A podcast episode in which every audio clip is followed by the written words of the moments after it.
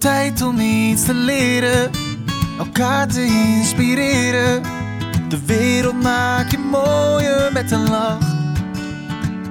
Dan heb je geen zin in flauwekul, geen zin in slap gelul. Maar iets fris, iets nieuws, iets onverwachts. Talent in de topkast.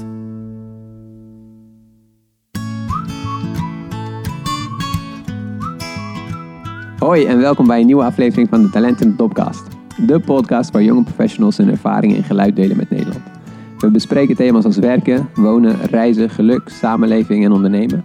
Vandaag hebben we het over het thema reizen en geven we antwoord op de grote vraag van vandaag. Welk effect heeft reizen op je professionele ontwikkeling? En is het überhaupt nog mogelijk om veel te reizen als jong professional? We zijn op zoek gegaan naar twee consultants binnen Talent Pro die ons kunnen helpen bij het beantwoorden van die vraag. Mijn naam is Galit, ik ben de host. Tegenover mij zitten ervaringsdeskundigen Eline Molenaar en Davy de Wit. Welkom, dames. You. Dankjewel. Ehm, Eline en Davy, eh, fijn dat jullie ervaringen willen delen eh, om onze achterban van studenten en jong professionals eh, nuttige inzichten mee te geven op dit thema. Als ervaringsdeskundige kun je natuurlijk goed meepraten over de dingen waar je tegenaan loopt als jong professional. Nu is reizen heel populair onder onze collega's. Eh, het is een understatement om te zeggen dat jullie zelf eh, eh, enige ervaring hebben met het, eh, met het combineren van werken en reizen. Eh, ik ben benieuwd met, je- naar jullie verhalen. Eh, we beginnen eerst met het TNP-CV. Het is tijd voor het TNP-CV. Eh, vertel, ehm, Eline, eh, wanneer ben je afgestudeerd? Wat heb je eigenlijk gestudeerd en eh, wat heb je sindsdien gedaan? Ehm, ik ben afgestudeerd in 2015 aan bedrijfseconomie. Toen heb ik eh, een jaartje bij Randstad eh, gewerkt. Eh, wel in de finance geprobeerd daar een opstart te vinden. Maar dat lukte niet helemaal. Ik kreeg- er niet de juiste uitdaging in. En toen kwam ik via een studiegenootje kwam ik eigenlijk met, in contact met TNP. Dus toen ja, ben ik daar gaan solliciteren en dat ja, ging helemaal goed. En daarna bij ABN AMRO gestart op het contactcenter. Ehm, op inkomen en vermogen, daar op verzekeringen, pensioenen en beleggen eh, geïnformeerd, klanten. En daarna doorgestroomd eh, naar de hypotheken. En eh, ook weer bij ABN AMRO gezeten als acceptant. Toen doorgestroomd als acceptant naar de Volksbank. En tot slot weer ja, naar de voorkant, dus met klanten in gesprek over een hypotheek. Dus, en dat vind ik achteraf het allerleukste. Ja, in contact met klanten. Acceptant hoor ik regelmatig terugkomen. Ehm, volgens mij heb je heel veel verschillende soorten acceptanten. Wat houdt het precies in als je acceptant bent? Want je kunt hypotheekacceptant zijn, kredietacceptant. Je hebt er nog een aantal volgens mij. Wat doe je dan precies? Wat betekent, wat houdt die functie in? Eh, ik was twee keer hypotheekacceptant eh, ja, voor verschillende labels van Volksbank en eh, ja, natuurlijk van ABN AMRO zelf. En ja, dan kijk je gewoon of het passend is op, het, ja, op de marktwaarde van de woning, op het inkomen van de klant, eh, welke kredieten ze hebben. Dus eh, ja, verschillende zaken komen aan bod. Dus jij bent degene die op de achtergrond zeg maar dan checkt of iemand eh, Ja, zijn hypotheek verdient. of het allemaal past. Ja, Oké, ja. Oké. Geen waardeoordeel als ik je zo... Nee, nee. wat allemaal ook. Eh, en voor jou, Davy, eh, wanneer ben jij precies afgestudeerd? Wat heb je sindsdien gedaan? Ehm, ja, ik ben ook in 2015 afgestudeerd. Ik had toen mijn master klinische psychologie afgerond aan de UvA. Eh, ik wist toen eigenlijk wel dat ik geen therapeut meer wilde worden, maar niet zo goed wat ik wel wilde. Dus toen ben ik dus eerst op vakantie gegaan en toen uiteindelijk via een vriendin bij TNP uitgekomen. Die was er net begonnen. Een beetje in verdiept, vooral in de bankaire ehm, unit. En dat beviel me heel goed. Dus ben ik daar eind 2015 begonnen. Toen eerst wat eh, twee kleine opdrachten. Ehm, maar ik merkte dat ik toch wel het aspect van mensen helpen terug had laten komen. Dus toen heb ik eerst bij de Volksbank anderhalf jaar eh, bijzonder beheer gedaan. Dat was echt een superleuke tijd. En toen ben ik eigenlijk per toeval eh, ook binnen de Volksbank bij een hele andere afdeling terechtgekomen. De afdeling klantonderzoek. Dus dat is echt ja, dat Know Your Customer, wat nu echt booming is. Ja. Ja, daar ben ik eh, ja, toen voor het eerst mee in aanraking gekomen. Dat beviel wel heel goed. Dus dat heb ik eh, eerst op die vaste afdeling gedaan en toen binnen een remediation project. Uiteindelijk ben ik daar ruim een jaar eh, gebleven. Eh, toen heb ik dus een tijd verlof gehad, zes maanden. En toen ik vorig jaar terugkwam, toen ben ik wel weer in diezelfde richting verder gaan kijken. En toen kon ik bij KPMG beginnen. was wel heel erg gaaf, een hele andere richting natuurlijk dan de bank. Maar ook als CDD-analyst. En sinds afgelopen januari eh, zit ik bij KNAP. Dat is ook een remediation project in eh, transactiemonitoring. En daar zit ik nu in de rol als eh, coördinator. Oké. Remediation, kun je dat kort toelichten? Dat is een mooi, mooi Engels woord. Ja, het is eigenlijk is uiteraard gebleken dat eh, veel onderzoeken eigenlijk nooit zo eh, grondig waren uitgevoerd eh, door verschillende banken. Klantonderzoek heb je Klantonderzoek, over. ja, klopt. Dus nu zijn heel veel banken bezig met remediation projecten. En dat houdt eigenlijk in dat het met terugwerkende kracht al die onderzoeken wel worden uitgevoerd. En die projecten duren, ja, dit verschilt. Het ene project duurt een jaar, de andere twee jaar. Om toch te zorgen dat ze weer helemaal bij zijn. Ja. En alles hebben onderzocht wat eh, ja, destijds niet eh, volledig is gedaan. Ja, en dan toets je ze op, eh, op iets specifieks, een bepaald stukje wetgeving. Of- Ja, het hangt vanaf. Je hebt verschillende richtingen. Als je echt het volledige klantbeeld moet onderzoeken, dan kijk je echt naar wat ze doen, naar de geldstromen, wie er allemaal achter zo'n bedrijf zitten. Dus dat was voornamelijk bij de Volksbank. Mhm. Echt het algehele klantbeeld. Ehm, nu is het voornamelijk echt op transactiemonitoring. Eh, dus eigenlijk zijn alle transacties van de afgelopen jaren nogmaals door een eh, ja, systeem gehaald om eh, te testen of er iets bijzonders aan de hand is. En op het moment dat er opvallende transacties zijn geweest, dan ga je die klant verder onderzoeken. Oké, Dat is wat meer gericht. oké. Nou, jullie hebben in die vijf jaar dat jullie hier werken nu. Ja, even mijn rekenmachine erbij pakken, 2015, Bijna. 2020. ja. Bijna vijf jaar zijn jullie volgens mij ja, redelijk specialist geworden in jullie vakgebied, als ik het zo hoor. Ehm, bedankt voor het delen van jullie TMP-CV. Eh, gaan we door met de volgende rubriek. De grote vraag van vandaag. De grote vraag van vandaag. In deze rubriek gaan we eh, antwoord geven op onze grote vraag van vandaag. Welk effect heeft reizen op je professionele ontwikkeling? Eh, en kan het überhaupt? Ehm, als jong professional kun je blijven reizen?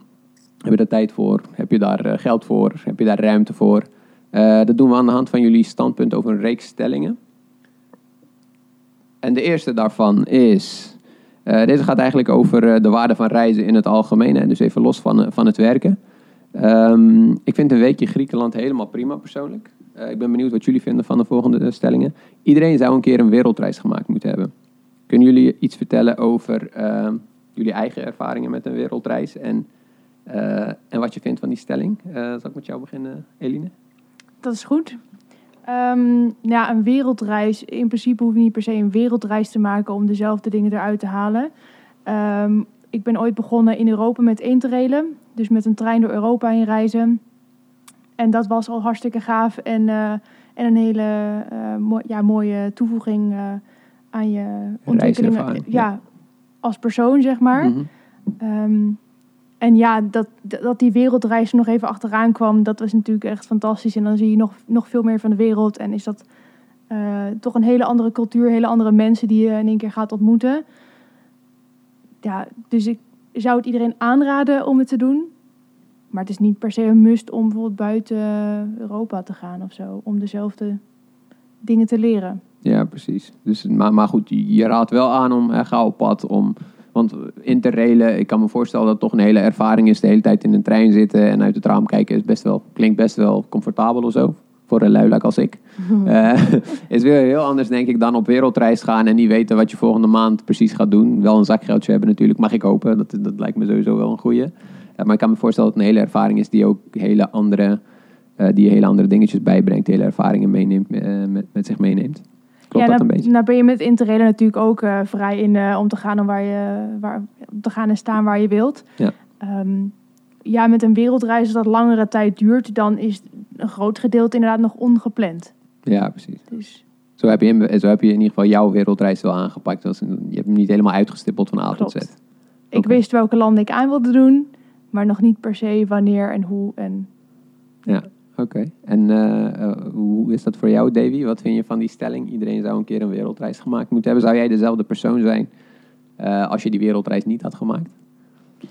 Ja, ik denk wel dat ik dezelfde persoon zou zijn. Ehm, ja, je hebt wel natuurlijk echt, echt veel meer ervaring in, in gebieden waar je anders nooit mee in aanraking komt. Dus ik denk dat op het moment dat het altijd dan bij, een beetje bij je heeft gekriebeld om te reizen, zou ik het echt zeker aanraden om te doen. Eh, je ziet mensen veel twijfelen van, ja, heb ik wel de tijd ervoor? Inderdaad, kan het met mijn werk? Dus bij de mensen bij wie het kriebelt, zou ik echt aanraden om het te doen. Eh, maar het moet je ook wel echt liggen. Wat je zegt, dat eh, constant reizen, andere culturen, wat minder luxe, die we toch wel gewend zijn in Nederland. ik ken ook wel genoeg mensen die je er echt niet blij mee zou maken om ze een gratis ticket om de wereld te sturen. Ehm, dus nee, dat ligt echt heel erg aan de persoon. Want vertel eens iets over jou, eh, want je hebt een wereldreis gemaakt, eh, best wel lang ook geloof ik. Vertel daar eens iets meer over. Welke route heb je precies afgelegd en, en hoe lang ben je precies weg geweest? Ja, nou, ik ben in totaal zes maanden weg geweest. Ik ben gaan reizen met een hele goede vriendin van me. We zijn toen begonnen in Rusland. Ehm, en toen hebben wij de Trans-Mongolia Express eh, genomen. Ja. Dus eigenlijk uh, 2,5 week in totaal eh, een treinreis eh, gemaakt. Ja. Was wel heel bijzonder. Eh, ik denk dat wij hem net even op het verkeerde moment hebben gemaakt. Want het was heel erg rustig. Maar wel heel erg eh, gaaf om mee te maken. En toen die eindigde dan in eh, eh, Beijing. Dus eh, we zijn een tijdje in China geweest. Toen doorgegaan naar eh, Zuid-Korea en Japan. Eh, toen via Ta- Taiwan naar Sri Lanka. Ehm toen hebben we oud en nieuw gevierd in eh, Thailand. En nog een maand gereisd in de Filipijnen. En toen hebben we ehm, de oostkust van Australië gedaan. Dus van Cairns en uiteindelijk met de Greyhound, waar je zo'n hop-on, eh, hop-off bus zeg maar, eh, naar beneden eh, kan, zijn we naar Melbourne gegaan. Toen naar Hawaii. En toen ehm, nog een tussenstop gemaakt in Noord-Amerika een paar dagen. En toen ben ik dus vanuit Noord-Amerika naar de skitrip gevlogen in, in Oostenrijk. Van eh, de skitrip van. TNP. Ja. Om hem af te ronden. Om hem af te ronden. Ja, dat was, ehm, we hadden niet echt een vaste einddatum gepland. En toen kwam uiteindelijk de datum van de skitrip. ehm, die werd bekend. Dus ik nou, het zou een hele gave, gaaf einde zijn van mijn reis. Dus daar werd ik opgehaald eh, door eh, die vriendin met wie ik ook bij TNP ben gekomen. Oké. En zo heb ik mijn reis geëindigd. Ik, mijn topo is op zich wel redelijk, maar ik probeer te bedenken, is dat een beetje die Trans-Mongolische Mhm. Express? Ja? Trans-Mongolia Express. Ja. Trans-Mongolia Express en dan die kant op en dan naar beneden. Was dat een beetje, hebben jullie dat echt uitgestippeld vooraf of niet? Ja, deels. Eh, mijn vriendin was meer van het plannen. Ik wilde voornamelijk gewoon heel graag reizen en zij had er best wel veel ervaring mee. En eh, ik, ik wist twee dingen. Ik wilde heel graag naar Thailand en ik wilde heel graag naar Hawaii. En voor de rest heb ik gezegd, eh, maak er maar wat moois van. Dus dat heb ik meer aan haar overgelaten. En het, er zat niet echt een logische volgorde in. We hebben ook in een half jaar echt 25, 26 keer gevlogen. dus dat was echt heel veel. Niet heel erg lean. Nee, niet heel erg. Nee, nee. Maar het was, eh, we wilden zoveel zien en zoveel doen. En dat was eh, toch uiteindelijk wel de beste manier. Dan is het wel jammer dat de wereld rond is en dat er niet gewoon één lange weg is, zodat je gewoon één kant op kan gaan en, en dat je dan alles gewoon passeert. Ja, precies. En vooral zien. omdat ik ook eigenlijk helemaal niet van vliegen hou. Dus eh, ik ben wel wat over mijn vliegenangst heen gekomen. Want op een gegeven moment moet je wel. Ja. Maar goed, het heeft ons wel ver gebracht. Oké, maar het heeft je niet veranderd in de zin van ik ben nu zoveel wijzer, ik ben, zo, ik ben zoveel beter in mijn, mijn coördinerende functie door die reis. Nou, het heeft me wel heel veel gebracht in de zin van... Ja, je, je groeit best wel op gewoon in Nederland met een bepaalde eh, mindset. Gewoon hoe je, hoe je in Nederland gewend bent om te leven en je doelen. Dus toch best wel individualistisch allemaal. Dus wel heel erg leuk om die andere culturen mee te maken. Om er ook eens anders naar te kijken. Ja. Ik merk dat je eigen grenzen wel heb verlegd. Dat ik zei, ik, heb, eh, ja, ik hou niet van vliegen, ik heb hoogtevrees. Maar toch eh ja, geskydived. Eh, ik hou niet van water. Dus in, in het begin was het snorken wel een beetje met wat paniekaanvallen. Maar uiteindelijk dan toch... eh, ja, wel met vrolijke moed, zeg maar, ehm, gesnorkeld. Dus heel veel, ja, in die zin wel grenzen verlegd. Maar ik heb niet het idee dat ik in de kern een heel ander persoon ben geworden. Ja, dus vooral eigenlijk ook leuk. Ja, ja precies. Oké, nou, laten we even kijken dan naar de volgende stelling. Ehm, heeft wel te maken met de eerste stelling natuurlijk, maar ik ben wel benieuwd eh, wat jullie vinden van deze manier van reizen. Je kunt jezelf pas een echte reiziger noemen als je gebackpackt hebt.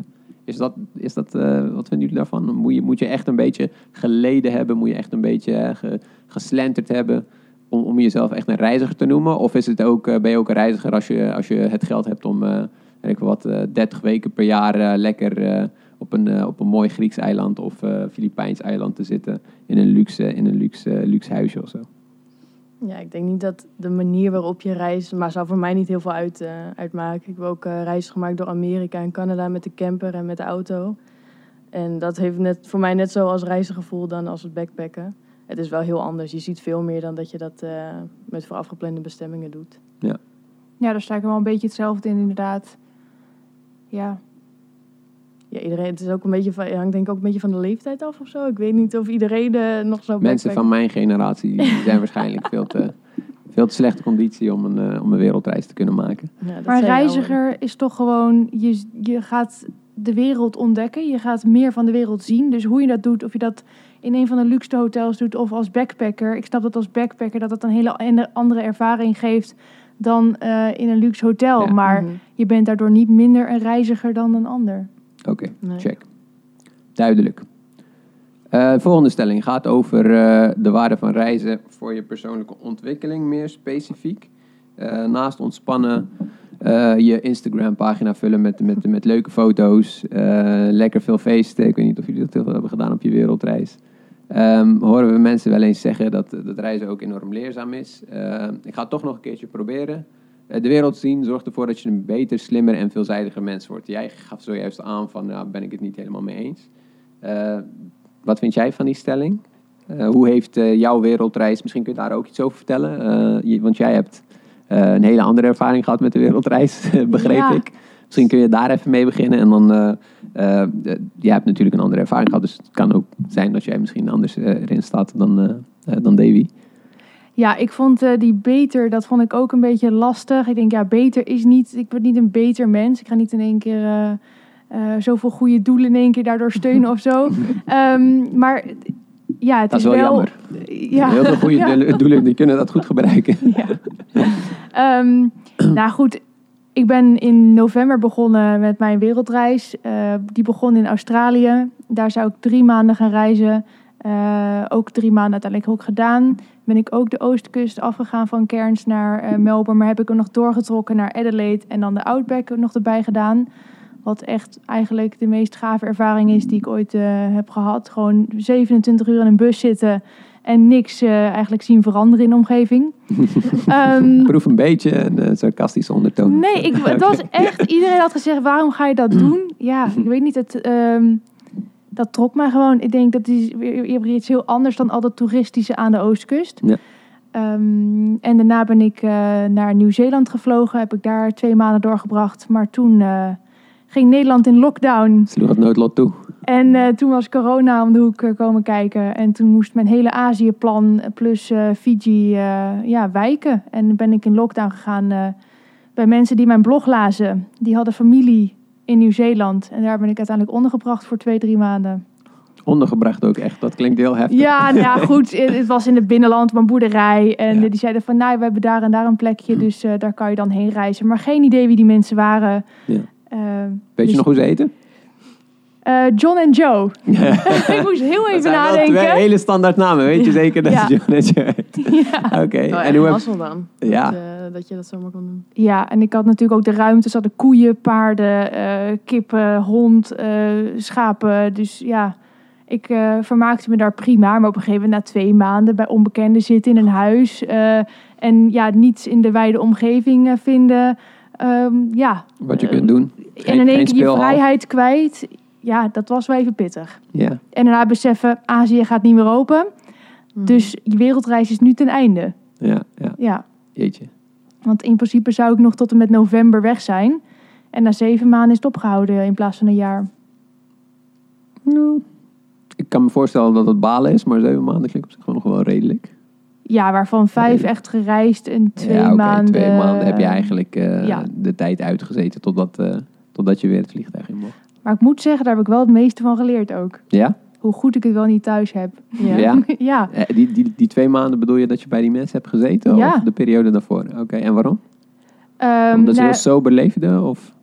ja, je hebt eigenlijk geen vrijheid. Je, je bepaalt niet wat je zelf eet, hoe laat je gaat slapen bijna, eh, wat je op een dag doet. Want je voelt toch een soort verplichting Ja. naar ze toe om bepaalde dingen op te pakken. Terwijl ik had het plan om een jaar niet te werken, ex expres, dat ik een jaar vakantie had. En nu moest je en nu moest ik alsnog of eh, zoiets. de stront oprapen van alle paarden die daar rond. Dus je moest wel echt werken voor, je, voor, het, eh, Ja. voor het verblijf, zeg maar. Ja, Of eigenlijk deed je dat meer vanuit beleefdheid? Zo van, hé, hey, eh, ik, ik, ik vind het een beetje gek om, om de hele dag te gaan lopen Netflixen op de bank. Terwijl jullie mij... was het gratis? Eh, John en Joe horen dit niet, deel, dus je mag best nee, niks nee, ze spreken ook geen Nederlands, dat scheelt. Nou, nee, de eerste periode hebben ze gezegd, eh, je mag inderdaad bij ons een maand blijven zonder dat je daar iets voor hoeft te betalen. Maar we verwachten wel dat je even meewerkt eh, Ja, ja. In, het, in, het, in het huishouden en eh, ons helpt met de boerderij. Mhm. Dus dat heb ik gedaan. En daarna natuurlijk toen het elke keer werd verlengd, toen ben ik wel wat gaan betalen. Maar nog Oké. lang daarna niet wat ik in een hostel zou kwijt zijn qua Ja, eten en, en slaapplek.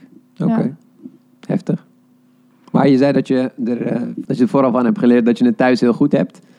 Dus dan verschil je wel een klein beetje van mening, misschien met Davy, dat je, eh, dat je misschien van een beetje juist tegenspoed, wat je misschien sneller tegenkomt als je op reis bent, dat dat eigenlijk eh, eh, dat dat is waar je naar op zoek moet. Kan dat, is, dat, is dat zo? Dat je misschien van luxe, dat je een van een fijne vakantie minder leert dan van een, van een moeilijke vakantie? Ehm, ik denk dat je inderdaad van een, van een moeilijke vakantie ook wel heel veel leert. Ja. Eh, ik leerde vooral dat ik mijn eigen keuzes allemaal mocht maken. En dat iedereen in Nederland achter mij stond eh, toen ik besloot om in Nieuw-Zeeland te blijven. Terwijl ik had gedacht dat iedereen zou zeggen, kom naar huis. Net als eigenlijk alle reizigers om mij heen die, waarvoor vlieg, vliegtickets werden geboekt om maar zo snel mogelijk naar huis te gaan. En ik dacht, nee, ik ga dit eens anders doen. Ik blijf hier gewoon en kijken hoe dit uitpakt. En daarna kan ik altijd nog wel naar huis. Ja. Dus ja, Heel waardevol. Ja. Ja. Oké. Nou, bedankt voor dat verhaal. Het, eh, ik ben benieuwd of ik het op dezelfde manier zou doen. Ik denk dat ik eh staart tussen de benen eh, eerst de beste schip als verstekeling zou proberen terug naar Nederland te gaan. Maar Heb ik op een gegeven moment naar gekeken. maar ook die repatriëringsvluchten, helaas. Ik zat, te ver in het bin, ik zat te ver in het binnenland. Ja. En ik kon ze niet vragen om na drie dagen dat ik ze kende... eh, even acht uur heen en acht uur terug te rijden. Dus ja, ja, ja, ja. Nou goed, dan was dit een Bijzonder. oplossing waar je uiteindelijk mee hebt kunnen leven. Oké, top. Eh, gaan we kijken naar de volgende stelling. Ehm, die luidt als volgt. Weer een beetje eigenlijk een waardeoordeel. De gemiddelde Nederlander is zich te weinig bewust van de wereld om zich heen. Wat vinden jullie ervan? Eh, als je jezelf vergelijkt met iemand die misschien iets minder reiservaring heeft, eh, vind je dan dat, vind je dan dat diegene de profijt van zou hebben als hij wat meer zou reizen. eh, iets meer andere inzichtingen, inzichten zou kunnen verzamelen. iets meer andere ervaring, iets meer in contact komen met andere culturen. Misschien helpt het wat met je empathie, doet het wat met je empathisch vermogen. Denken jullie dat dat, eh, dat, dat geldt voor, eh, voor veel Nederlanders? Met jou beginnen, Davy? Ja, ik denk, als ik zat even over na te denken, denk op het moment dat je echt bijvoorbeeld in Azië bent, waar de cultuur heel erg collectivistisch is en ze heel erg met anderen bezig zijn en niet zo erg met zichzelf. Dat vond ik vooral, ja, Japan is dan wel echt eh, een bijzonder voorbeeld en daar vond ik het heel extreem. Hm. Dat heeft me echt wel er anders naar laten kijken. Ik weet niet of de gemiddelde Nederlander eh die zin wat kortzichtig is. Je hebt natuurlijk door social media en alle andere kanalen krijg je best wel veel mee van de rest van de wereld. Althans, dat denk je dan in ieder geval. Ik denk wel de, de plekken waar ehm, wat minder mensen komen. Als bijvoorbeeld een continent als Afrika, waar je niet heel snel gaat backpacken. Over het Midden-Oosten, dat daar nog wel wat misvattingen over zijn. Ehm, daar ben ik zelf ook nog niet geweest, dus daar kan ik zelf ook net zo goed bij horen. Ik denk wel dat het reizen en het feit dat je heel veel mensen kent die ook hebben gereisd, waarmee je verhalen uitwisselt, heel erg helpt om je beeld van de wereld wat eh, ja, bij te schaven. Ja. Ehm, maar ik denk dat de in- gemiddelde Nederlander daar best wel goed, eh, goed zicht op heeft. In principe zijn we best wel, eh, staan best wel open voor, eh, voor vreemde dingen eigenlijk. Dat idee heb ik wel. Vergeleken met eh, de landen misschien waar je, waar je geweest bent. Dat we daar eigenlijk redelijk, redelijk goed op scoren. Ja, de landen waar ik ben geweest, vooral eh, de landen in Azië, waren dan sowieso wat minder. eh, eh, ja, gewoon wat meer armoede was. Die hadden echt geen idee, zeg maar, hoe de, de westerse wereld Ja. echt was. Die hadden er een heel ander beeld van. Ja. Ehm, ja, die hemelden dat helemaal op. En dat was wel een hele ge- gekke ervaring, vond ik. Mhm. Dus die hebben er wel echt een ander beeld bij. Vooral in China vertelde de, onze reisleider op een gegeven moment dat ehm, de Chinezen die reizen, die zijn voornamelijk echt rijk. Dus bijna de, de, ja, de, de gemiddelde De Chinees die reist niet. zoveel. Ja, en die hebben er ook helemaal geen, geen beeld van hoe dat eh, in de rest van de wereld gaat. Ja. Zo vertelde zij het me in ieder geval. Ja. Ehm, dus het maakt wel echt veel verschil. Oké, en hoe sta jij eh, erin, die stelling? Eh gemiddelde Nederlander is zich te weinig bewust van de wereld om zich heen. Ik heb het idee dat heel veel mensen vooral reizen omdat ze het avontuur aangaan. Jonge mensen ook. Ze willen, ze willen graag zien hoe de wereld eruit ziet. Feest is natuurlijk leuk, maar ze willen vooral ook misschien zichzelf ontdekken. Ehm, vind jij dat het eh, voor de gemiddelde Nederlander geldt dat hij zich misschien iets te weinig bewust is van de wereld om zich heen? Ehm, lastig te zeggen. Er zijn natuurlijk hartstikke veel reisprogramma's tegenwoordig. Eh, ik kreeg een enorm mooie tip van, eh, van een reisgenoot in Nieuw-Zeeland van de Bucketlist Family. Ik weet niet of jullie die kennen. Het is eigenlijk een, eigenlijk een gezin wat de wereld rondreist. Dat was in eerste instantie een, een plan voor een jaar. En ja, die maken zoveel mooie dingen mee. Die, eh, zoveel avonturen. En met hele kleine kinderen Ja. eh, zijn ze begonnen. Ondertussen is er ook een derde bijgekomen. Maar die zijn nu al vier, vijf jaar zijn ze on- constant aan het reizen. En als je dan die weekvlogs van hun bekijkt en wat ze allemaal zien en wat ze doen, dan word ik echt ontzettend door geïnspireerd. Waardoor ik ook andere bestemmingen weer zou aandoen. Ja. Dus hoe meer je eh, van dat soort dingen meekrijgt, denk ik, en hoe meer je verhalen je hoort van allemaal mensen die reizen om je heen, ehm, ja, hoe meer ik zin heb om te gaan. Ja, precies. Dus ja, ik hoop gewoon dat mensen dat, eh, dat ook gewoon gaan volgen. Oké, volgende stelling dan. Ehm, deze stelling gaat over eh, het combineren van reizen en werken. Ehm, reizen kost tijd en geld. Iets dat we niet allemaal in voldoende mate hebben misschien. Eh, met de volgende stellingen peilen we wat jullie vinden van de rol van je werkgever in het faciliteren van reizen. Ehm, het aantal vakantiedagen is belangrijker dan de hoogte van mijn salaris. Ik moet jou beginnen, Davy. Ja. Ehm, nou, voor mij niet per se, want ik bedoel, de hoogte van je salaris heeft ook wel invloed op hoe je je dagelijkse leven kan leven buiten je vakantiedagen om. Mhm. Dus het aantal vakantiedagen heeft wel invloed, maar voor mij is het belangrijkste met vakantiedagen meer de flexibiliteit waarin je ze kan opnemen. Je kan eh, nog best wel veel vakantiedagen hebben, maar als je eh, bij een bedrijf werkt dat heel erg vasthoudt aan eh, je mag maximaal met twee of drie weken achter elkaar in een bepaalde periode, ehm, ja, dan haal je er nog steeds niet het maximale uit. Dus Ja. ik vind vooral de flexibiliteit waarin je ze kan opnemen heel erg belangrijk. Ehm, als je echt, een, echt precies dezelfde baan hebt met eh, eh, veel flexibele vakantiedagen, dan zou ik dat wel verkiezen boven een eh, iets hoger salaris. Ja. Maar ik vind salaris nog steeds wel heel belangrijk. Ik kan die reizen natuurlijk niet bekostigen zonder een, zonder een redelijk salaris. Nee, ik. zo is dat. Lijkt ja. me ook logisch. Ehm, en jij, als jij zou moeten kiezen, eh, toch die woning kopen die, eh, die schijnbaar eh, niet te kopen lijkt te zijn in Amersfoort. Ehm, of, of meer vakantiedagen, zodat je toch iets vaker erop uit kunt trekken. Ik zou zeggen meer vakantiedagen. Ik denk dat als je een paar honderd euro meer zou verdienen per maand, dat dat uiteindelijk toch aan andere dingen ga- opgaat. En dat je dat niet besteedt aan, aan je reis uiteindelijk. Ja. En dan vind ik het des te mooier dat als je in plaats van vijf weken misschien zeven weken krijgt, dat je net even iets rustiger aan kunt doen. En in, in ieder geval dat je gewoon wat meer tijd hebt om eh, ehm, ja, wat, wat meer van het land te zien. En niet eh, eh, heel snel overal voorbij moet. Even een fotootje maken hier en daar. En ja, dat je gewoon even ook wat meer rust hebt tussendoor.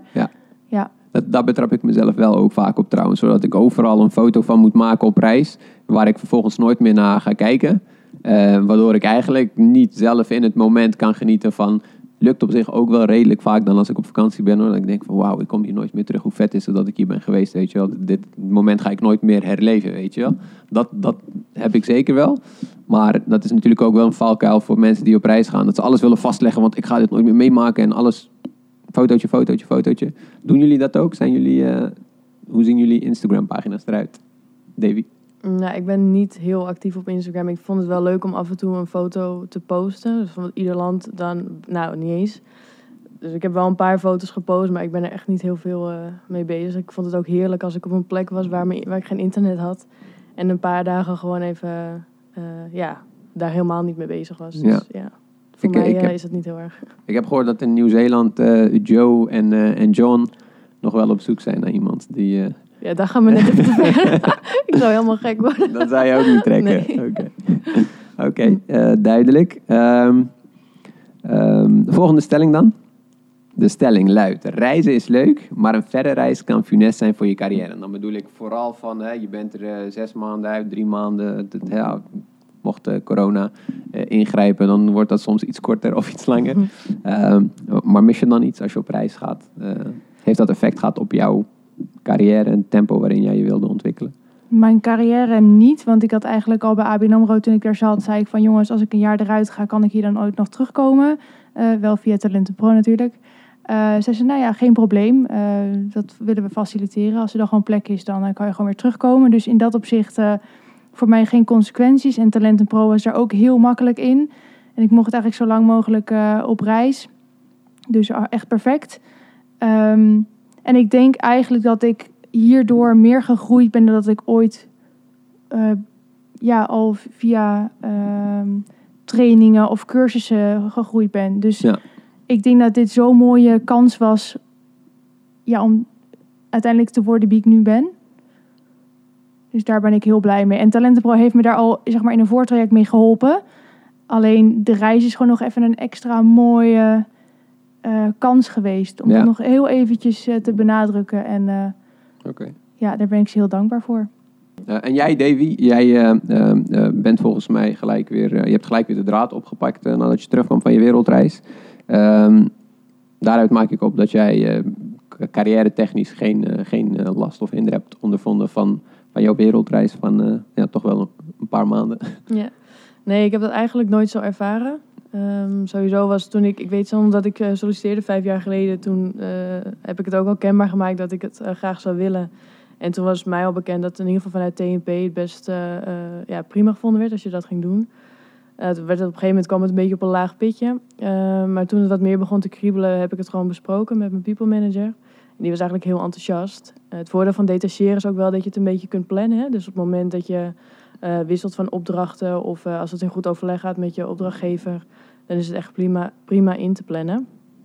Eh, dus ik denk dat detacheren daarin sowieso wel een voordeel heeft. Ik heb ook wel heel veel mensen ontmoet die wel ontslag hadden genomen, eh, maar toch tijdens de reis erachter kwamen dat ze iets heel anders wilden doen en juist heel veel in hebben, inzicht hebben gekregen in wat ze daadwerkelijk wilden doen. Ja. Dus ik denk dat het sommige mensen juist ook heel erg helpt eh, in hun carrière. Ja.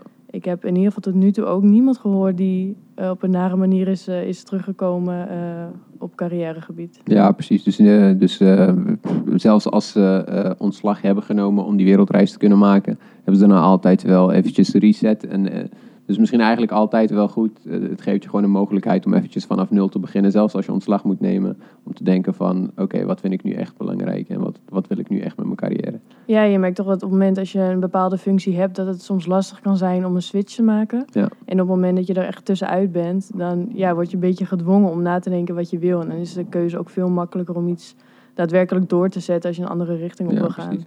Dus Goed eh, middel tegen vastroesten, zeg maar. dat sowieso, ja, Ja. zeker. Oké, duidelijk. Dankjewel. Ehm volgens mij hebben we dan nog eh, twee, nee, één mooie stelling over eh, waar we over kunnen praten. Eh, reizen zou meer gestimuleerd moeten worden door werkgevers. Nou, hebben jullie allebei aangegeven dat je eh, bij het Talentenpro en bij de opdrachtgevers eh, gelukkig de ruimte hebt gekregen om, eh, eh, om die mooie reis te maken. in overleg altijd. En dat het eigenlijk vanaf het begin zo is afgesproken ook. Ja. Eh, zou die, vinden jullie dat, eh, dat het, je werkgever dat ze meer zou moeten, proactief zou moeten stimuleren? Dat ze zeggen van, weet je, eh, eh, 50 weken per jaar werken, of nou ja, goed, dat lijkt me wel heel veel. Eh, zo x aantal weken per, wa- per, per jaar werken, eh, maar we zouden het wel fijn vinden als je echt twee weken per, eh, per jaar eh, ook echt naar het buitenland zou gaan en niet eh, op de camping zou zitten eh, twee weken eh, in Zeeland. Super lange vraag, hè? Dan moet jij proberen de, de essentie van die vraag terug te vinden. Ja, nee, inderdaad. Ik, ik weet niet of twee weken dan voldoende zou zijn. Maar in ieder geval een langere periode reizen, dat eh, levert andere kwaliteit op of een verbetering van jezelf op. Dan, ehm, ja, dan gewoon maar inderdaad die cursussen volgen. Ik denk, en voor mij alleen reizen was voor mij echt eh super spannend. En ja, ik durfde dat eigenlijk helemaal nooit. En uiteindelijk dacht ik, ik ga het gewoon doen. En iedereen stimuleerde me daar ook in. En ja, achteraf viel het eigenlijk zo mee. Als je eenmaal op de plek bent, dan moet je allerlei dingen regelen. Je moet je slaapplek eten, ehm, je uitjes, je moet nieuwe mensen aanspreken, je moet je Engels verbeteren. Je leert zoveel dingen in één moment eigenlijk. Ehm, ja, dus ik, durf, ik- je, durf je, do- doordat je dat hebt gedurfd, ook nu in het dagelijks leven, gewoon in Nederland, eh, ook dingen sneller te doen? Nee, Ik durf meer initiatief te nemen. Eh, ik durf meer Engels te spreken als ik bijvoorbeeld een Engelse klant heb. Ehm, ja, ik durf gewoon meer mijn mening ook te geven. Want meer, eerst was ik eigenlijk eh, een beetje verlegen. En ik merk dat ik nu toch wel denk van... Nou, ik doe het wel netjes, maar ik geef wel mijn mening. Dus nou ja, dat heb ik zeker geleerd. Ja. Ja. Oké, Ja. duidelijk. En eh, wat vind jij van die stelling, Davy? Ehm, moeten werkgevers proactief... Ik kan me voorstellen namelijk dat de werkgever denkt... Ja, als jij eh, drie maanden op wereldreis gaat, misschien kom je wel terug... heb je een, eh, heb je een knappe Chileen ontmoet en ga je verhuizen en ben ik je kwijt. Ja, ik kan me voorstellen dat je daar bang voor bent als, als werkgever. Eh, maar nee, ik denk niet. Ik vind niet dat de rol van een werkgever is om echt proactief te stimuleren om te gaan reizen. Ik denk wel dat ze er echt.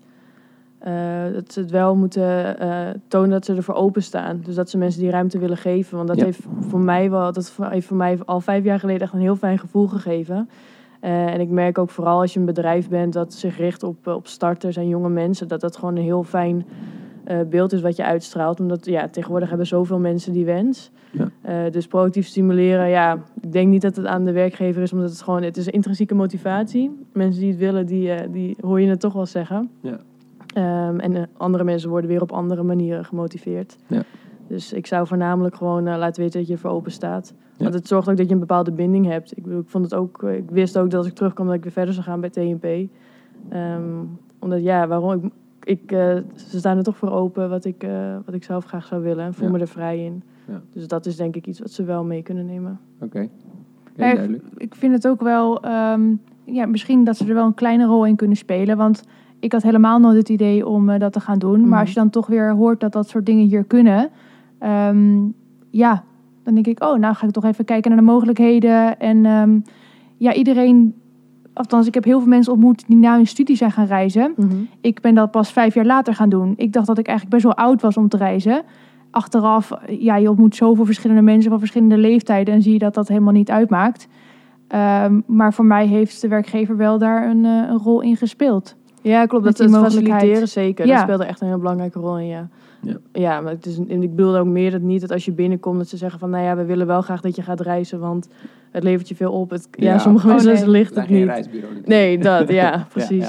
ja. Oké, maar ma- mogen we denk je, vind jij het als bedrijf meer uitstralen? Dat we zeggen van hé, hey, eh, meer ook in de communicatie, in een, weet ik wat, in een vacaturetekst of eh, dat een recruiter het ook in een gesprek zegt van hé, hey, eh, wat vind je leuk? En als iemand zegt van ja, reizen vind ik leuk, die dan ook proactief zegt, oh wat leuk, we hebben collega's, Eline en Davy, die hebben toevallig twee recente collega's die een mooie reis hebben gemaakt, dat kan gewoon bij ons, bla bla bla. Zou- Ja, dat, laatste, dat ja, dat laatste wel. Op het moment dat iemand het aangeeft, dat je laat weten Ja. van, nou ja, we staan daar echt wel open voor en we, we ja, eh, supporten dat. Ja. Ja, mee adverteren, ik weet niet of je dan de juiste mensen aantrekt. Van, eh, we geven je een half jaar een baan en dan mag je weer weg. Ja, ja. Dus dat, eh, dat lijkt me wat Dan moet je lastig. wel voorzichtig. Ja, dat zou ik ook niet doen. werkgever. Nee. Ja, ja. Nee. Nee. Oké, duidelijk. Duidelijk verhaal. Ehm, dan hoop ik dat we nog tijd hebben voor de volgende rubriek.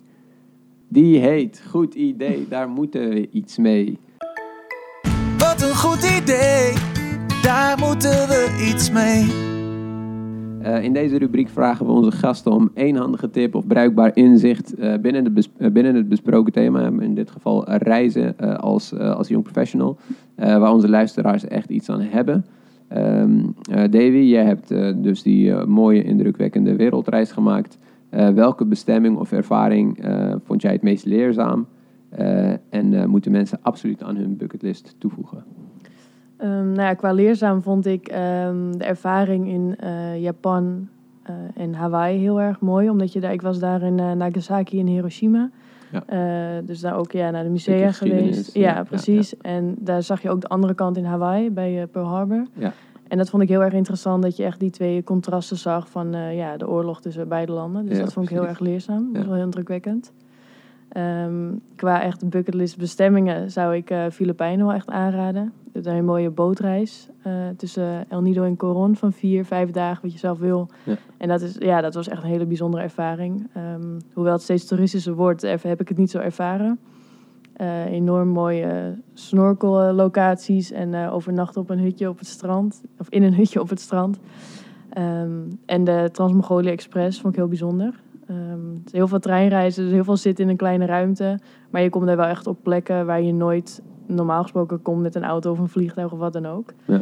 Dus dat vond ik wel een hele bijzondere ervaring. Dus dat zijn voor jou vooral tips omdat ze zo uniek zijn, zeg maar. eh. Ja, net even anders dan eh, ja, de standaard eh, hele toeristische bestemmingen. Ja, oké, dankjewel. Ik hoop dat, dat onze luisteraars hebben meegeschreven. Ehm, en voor jou, Eline, heb ik ook een vraag binnen deze rubriek. Ehm, die voor jou liep niet helemaal volgens planning. Eh, maar je hebt uiteindelijk wel, denk ik, eh, een mooie ervaring ook opgedaan eh, in, eh, in Nieuw-Zeeland. Eh, wat is de belangrijkste les over reizen in zijn algemeenheid die jij hebt geleerd van dit avontuur? Nou, dat het dus nooit te laat is om te gaan reizen. Dat je dat niet per se naar je studie hoeft te doen, maar dat het ook gewoon eh, op een latere leeftijd kan. En dat het. ehm, Zo klinkt het wel heel erg alsof je 55 bent. nou, nee, gelukkig nog niet. gelukkig heb ik nog even wat jaren om te reizen. als je gestart bent met je carrière. Het- ja, klopt zeker. Als die ruimte daar is van je werkgever, dan zeker. Ehm, en ik, het is niet vanzelfsprekend eh, ja, dat je die ruimte krijgt en dat iedereen achter je staat. Ik heb iemand eh, leren kennen, een eh, reisgenootje waar ik nu nog steeds contact mee heb. En die ehm, familie en vrienden stonden niet zo achter, eh, achter dat plan. Die zeiden van ja, je maakt helemaal een fout en eh, eh, dit is helemaal niet goed voor je. En je gaat helemaal je eentje naar de andere kant van de wereld en het is hartstikke gevaarlijk. En ehm, ja, dit, dit, is, dit moet je niet doen. En ja, ik heb echt een warm bad daarin gehad. Ik heb van alle kanten werd ik gestimuleerd van ja, moet je doen. Het is super gaaf. En ehm, geniet ervan. En weet je, eh, al, al neem je niet contact met ons op in het komende jaar. Het maakt ons niet uit. We zien je over een jaar alweer. En eh, dan horen we graag alle, alle enthousiaste verhalen van je. Je zal, eh, ja, we, we zullen je niet afvallen, zeg maar. Dus ja, Ja. dat is onwijs, onwijs gaaf. En de mensen die ik heb leren kennen allemaal op reis. En de dingen die ik geleerd heb. Het is echt, ja, ontzettend leerzaam en echt, echt fantastisch geweest. Oké. Dus Volgens mij kan je niet wachten om terug te gaan als ik je zo zie glimlachen. ja, ja. Ik hoor ook regelmatig wel mensen tegen mij zeggen van nee, het maakt, het maakt me helemaal niet uit als je een jaar lang wegblijft. Maar dat is het dan meestal ook gewoon. Ze zeggen niet van eh, veel, veel plezier op vakantie, ga het vooral doen. En eh, het wordt hopelijk een fijne ervaring voor je. Dus eh, goed, je hebt, je hebt de juiste mensen om je heen blijkbaar. Zeker. Heel fijn om te horen. We sluiten hem hierbij af. We bedanken onze gasten Davy en Eline voor hun bijdrage en we bedanken jou voor het luisteren. Ik hoop vooral ook dat je er iets van hebt opgestoken. Want dat is Ontwikkeling. Tot de volgende Talent in de Topcast.